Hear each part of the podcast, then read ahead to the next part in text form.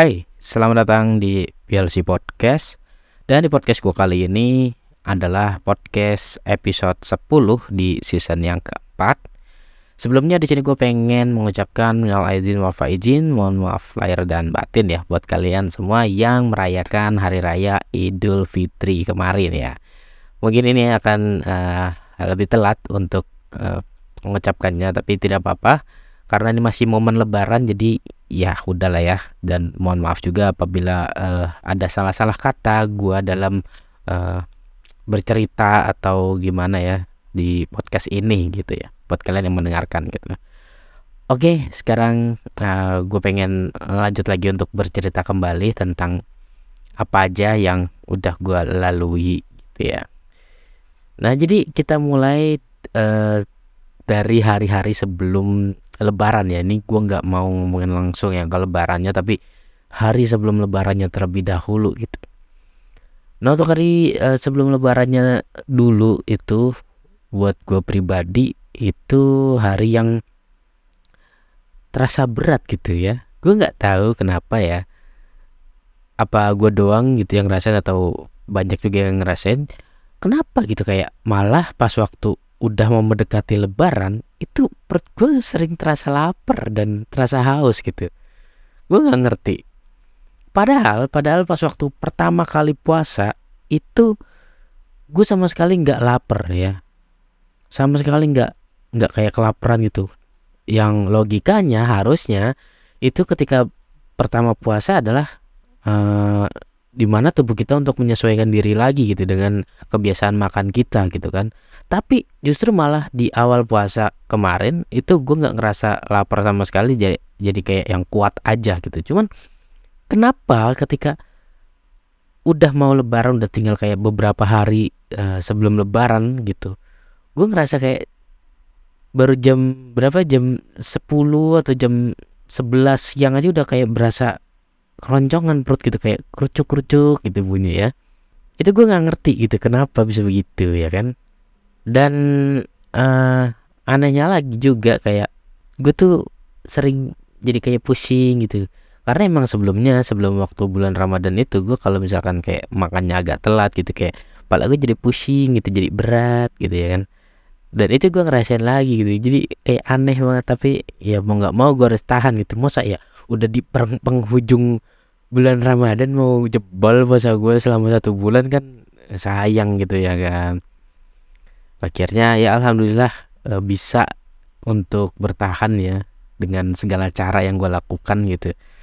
Pokoknya gimana caranya gue bisa menahan rasa ini gitu rasa lapar haus dan lain sebagainya gitu.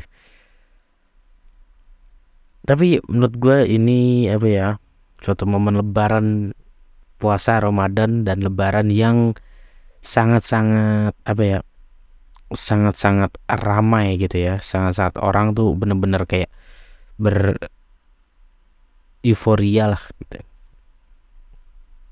Karena kenapa gue bisa bilang kayak gini ya? Karena kita lihat aja waktu uh, momen lebarannya gitu ya. Momen lebaran itu kayak ini tuh udah di apa udah di dibicarakan oleh Bapak Presiden juga ya. Kalau lebaran tahun ini adalah lebaran yang paling banyak orang-orang tuh untuk mudik gitu ya. Dan ini mencatat mencatat kayak uh, rekor di Indonesia gitu ya untuk mudik terbanyak gitu di tahun di tahun ini gitu. Maksudnya di tahun-tahun sebelumnya sama tahun ini tuh lebih paling banyak di tahun ini gitu untuk mudik lebarannya gitu ya. Gue nggak tahu benar apa salah koreksi gue kalau gue salah ya. Yang gue dengar dan yang gue tangkap seperti itu cobaan kalau gue salah ya gue minta maaf. Gue bisa memaklumi ya gue bisa memaklumi kalau tahun ini adalah tahun uh, eh, di mana orang-orang bisa mudik dengan apa ya banyak segitu banyaknya karena mungkin yang pertama ya pertama uh, untuk di tahun-tahun kemarin kita kan masih terhalang dengan adanya covid 19 ya. COVID-19 itu di tahun 2020 21 22 itu kita terhalang. Terutama tuh di tahun 2020 21 itu tahun-tahun yang sangat berat banget ya. Itu kayak sama sekali kita nggak bisa mudik gitu.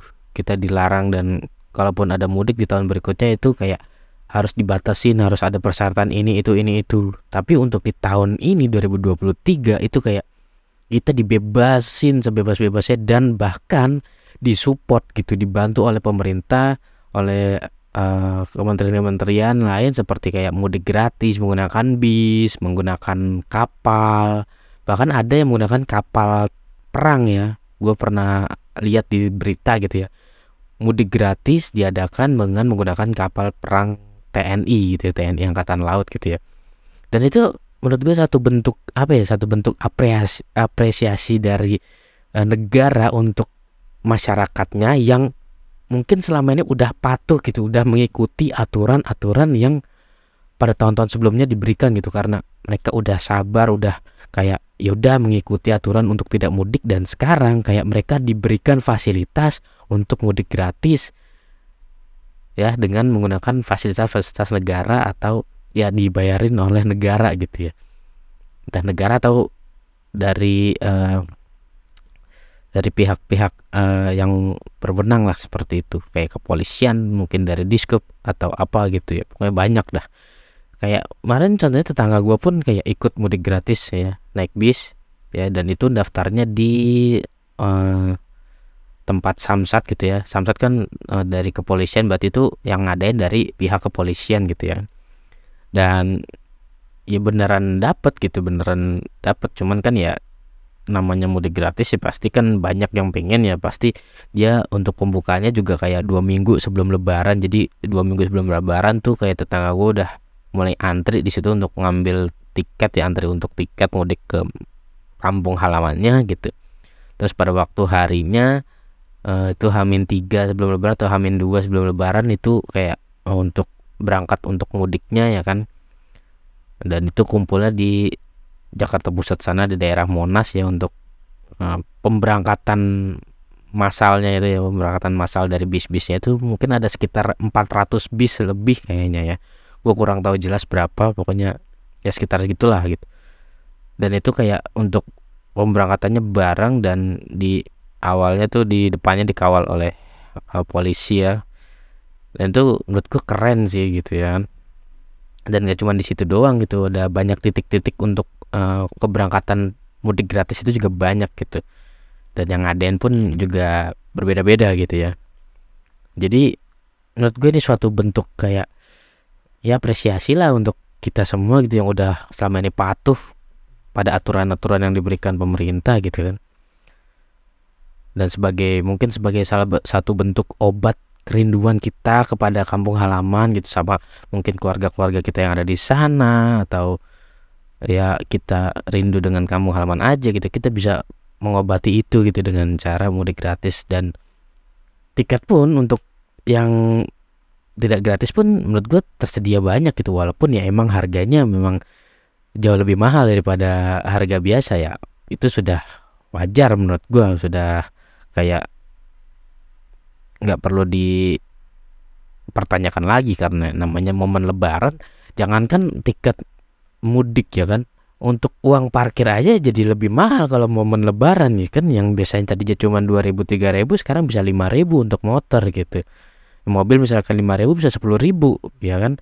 Kayak gitu aja. Jadi ya kita memaklumi lah untuk kalau masalah harga harga kayak gitu ya. Udah tahu jangankan itu sembako pun jadi ikutan lebih mahal gitu pokoknya semua serba mahal kalau misalkan menjelang lebaran gitu. Dan ya seperti tahun kemarin gue tetap tidak mudik ya walaupun yang lain banyak yang mudik gue ngomong kayak gini tuh uh, mudik mudik mudik mudik tapi gue sendiri tidak mudik. Gue tetap jaga kandang di sini ya jaga kandang. Karena jujur aja di lingkungan gue tetangga tetangga gue banyak yang mudik. Gue cuman mungkin ada empat atau lima keluarga yang nggak mudik gitu jadi ya nggak beginilah kita berlebaran dengan orang yang sedikit tapi ya nggak masalah. Yang penting kan kita kayak uh, melaksanakan lebaran dengan keluarga gitu ya. Mungkin mereka yang mudik karena kangen dengan keluarganya yang di sana gitu kan. Karena ya kalau gue keluarga gue pada di sini ya kan kayak orang tua gue kakak gue ponakan gue pun di sini dan nenek gue pun udah kayak eh, nggak eh, ada gitu yang semuanya mereka udah nggak ada udah meninggal semua. Jadi kayak rasa kangen kita ke kampung halaman tuh jadi kayak gimana ya bukannya nggak kangen tapi kayak kangen cuman kayak nggak terlalu besar gitu. Karena nggak ada lagi yang kayak kita pengen datengin banget gitu loh. Ya palingan ada kayak saudara-saudara kita kayak misalkan kayak om gua gitu atau bude gua gitu. Kalau di Jawa memilih om kan le ya pak le bule kayak gitu. Cuman kan ya tidak sebesar kayak waktu sama nenek gitu dan orang tua gue pun kayak orang tuanya kan bukan dia mereka bukan orang tua hanya kayak adik dan kakak gitu ya kan. Jadi kayak tidak sebesar rasa kangen seperti kayak ke orang tua gitu. Dan jadi kita memutuskan untuk lebaran di sini saja ya di Jakarta saja. Terlebih lagi juga untuk perekonomian juga lagi tidak stabil ya kan. Jadi ya daripada uangnya nanti habis buat di ongkos doang ya kan mending buat di sini ya kan buat melanjutkan kehidupan nantinya gimana ya kan. Ya kayak gitu aja sih uh, menurut gua ya tapi gue pas waktu ngeliat berita di mudik itu di jalan ya cukup ramai sih. Kayak kemarinan ponakan gua pun saudara gua nih saudara gua itu uh, mudik ke kampung itu dari rumah gua dia kan mampir dulu ke rumah gua terus uh, nyari tiket bis dari tempat gua gitu. Karena di dekat rumah gua ada deket pool bis gitu ya kan. Nyari tiket dengan harga sekitar uh, 350 atau berapa gitu gue lupa ya. Dan itu berangkat ya berangkat dari jam setengah sembilan pagi sampai sana jam setengah empat pagi gitu. Coba bayangin itu 12 jam lebih ya. Udah hampir berapa jam gitu dua belas ya pokoknya 12 jam lebih lah gitu. Itu suatu suatu apa ya suatu perjalanan yang sangat-sangat lama dan melelahkan pastinya.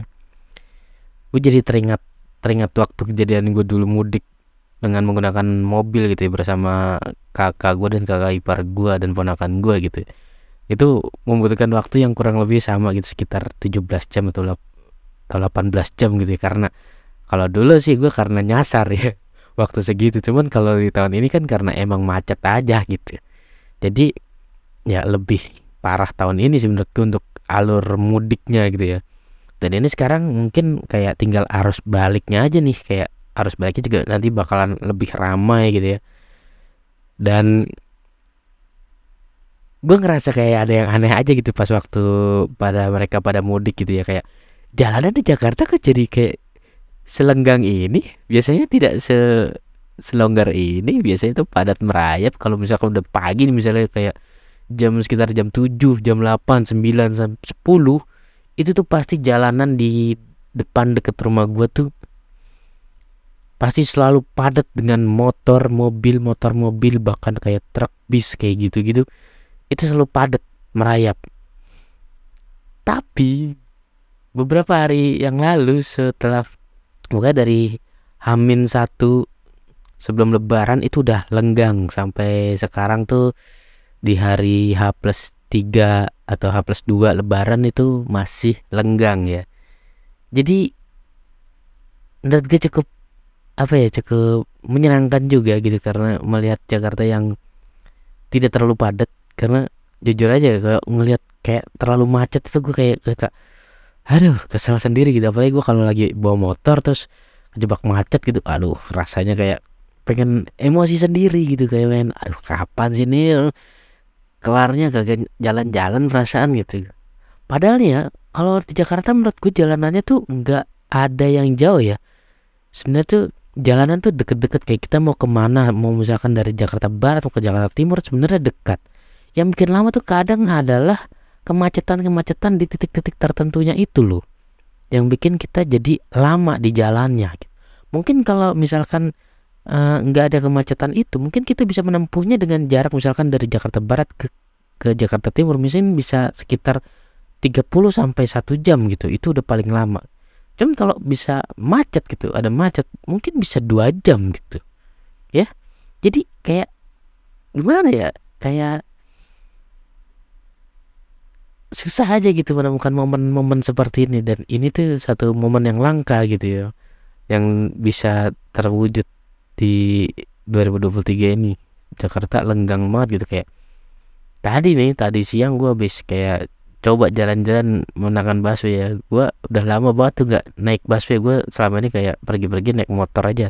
Cuman ini nyokap gue minta kayak ya udah jalan-jalan aja muter-muter naik busway gitu ya akhirnya gue ikutin lah gue turutin ya kan gue temenin. Dan gue ngajak saudara gue juga sepupu gue ada sepupu gue untuk jalan-jalan. Jadi gue sama ada sepupu gue cowok uh, mengawal nyokap gue gitu ya jalan-jalan aja gitu.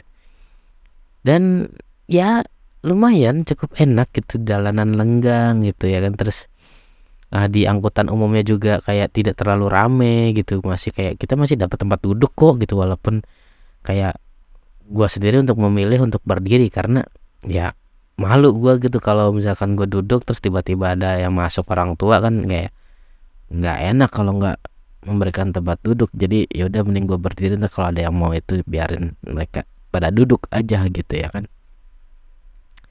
Jadi ya ada plus minusnya gitu ya. Plusnya ya mungkin jadi Jakarta lebih lebih apa ya lebih enak lebih lenggang tidak terlalu panas gitu ya. Karena motor-motornya juga tidak begitu banyak jadi polusi udara juga berkurang sedikit ya. Jujur aja tadi juga kayak gue jalan siang nggak sepanas biasanya loh. Biasanya tuh kalau gue jalan siang-siang nih wah panasnya tuh naujubillah min jalik. Udah gimana ya kayak pokoknya di kulit tuh nggak ngenakin banget kita gitu, menyelekit gitu.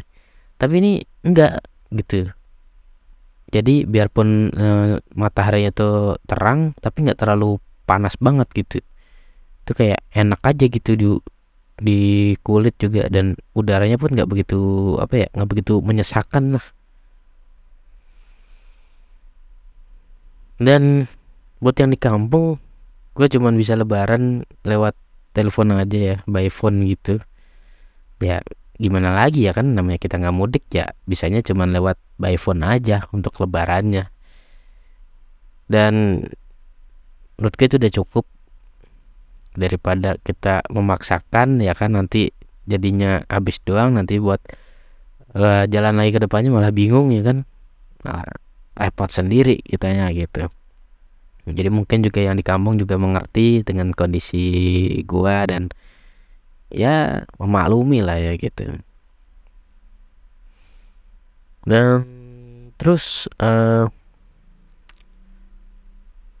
pengalaman pengalaman-pengalaman yang apa ya yang dulu-dulu itu menurut gue juga cukup apa ya cukup menarik ya. Waktu kita nggak bisa mudik gitu kayak kita tuh sampai kayak kucing-kucingan sama petugas gitu kan. Kan gue uh, ngeliat di berita tuh yang waktu kita nggak boleh mudik kan sampai pemudik tuh sampai kayak kucing-kucingan sama petugas kayak dilarang ini ditutup akhirnya lewat jalan lain. Terus sampai ada yang kayak maksa untuk ngebobol gitu ya kan. Sampai kayak saking pengennya mereka untuk mudik gitu ya. Tapi sekarang kayak dibebaskan gitu di kayak dilepas gitu ya setelah dikurung gitu terus akhirnya sekarang dilepas gitu kayak wow, gitu. Pasti pada senang banget gitu pada makanya gue bilang dari awal ini kayak mudik tahun ini lah mudik yang kayak euforia untuk orang-orang di negeri ini gitu kayak pada seneng gitu. Nggak cuman warga Jakarta doang mungkin warga-warga dari daerah daerah-daerah lain pun kayak seneng gitu bisa bepergian ke mana-mana gitu bisa mungkin mudik ke mana ke mana gitu ya kan. Jadi nggak cuman yang di Jakarta doang gitu. Yang tempat lain pun juga ikutan seneng gitu ya kan. Jadi ada bagusnya lah kayak gini ya. Semoga aja untuk nanti tahun-tahun berikutnya juga bisa lebih apa ya lebih enak lagi lancar lagi untuk kayak fasilitas-fasilitas untuk mudiknya juga diper apa ya diperbaiki lagi diperbagus kayak mungkin ada jalanan-jalanan yang agak rusak bisa dibenerin atau gimana jadi untuk mengurangi kemacetan ya kan. Terus harga tiketnya juga kalau bisa jangan terlalu dimahalin gitu ya ada subsidi gitu atau mungkin bisa dikasihkan mudik gratis lagi ya kan. Setahun sekali ya kan nggak masalah dong nggak masalah dong. Ibaratnya uh, untuk pemasukan dalam setahun kan juga pasti besar ya jadi mungkin ada mudik gratis tambahan gitu ya kan untuk tahun depan gitu. Ya semoga aja jadi bisa mungkin bisa ikut. Dan oke okay, mungkin uh, segini dulu aja podcast gue kali ini. Maksud gue ini lebih ke cerita ya. Cerita gue kali ini sampai bertemu lagi di cerita atau podcast berikutnya uh, sekali lagi gue mengucapkan selamat uh, selamat lebaran ya. Minal aidin wal faizin mohon maaf lahir dan batin buat kalian yang merayakannya gitu ya. Dan kita bertemu lagi di next podcast. See you on next podcast guys. Bye bye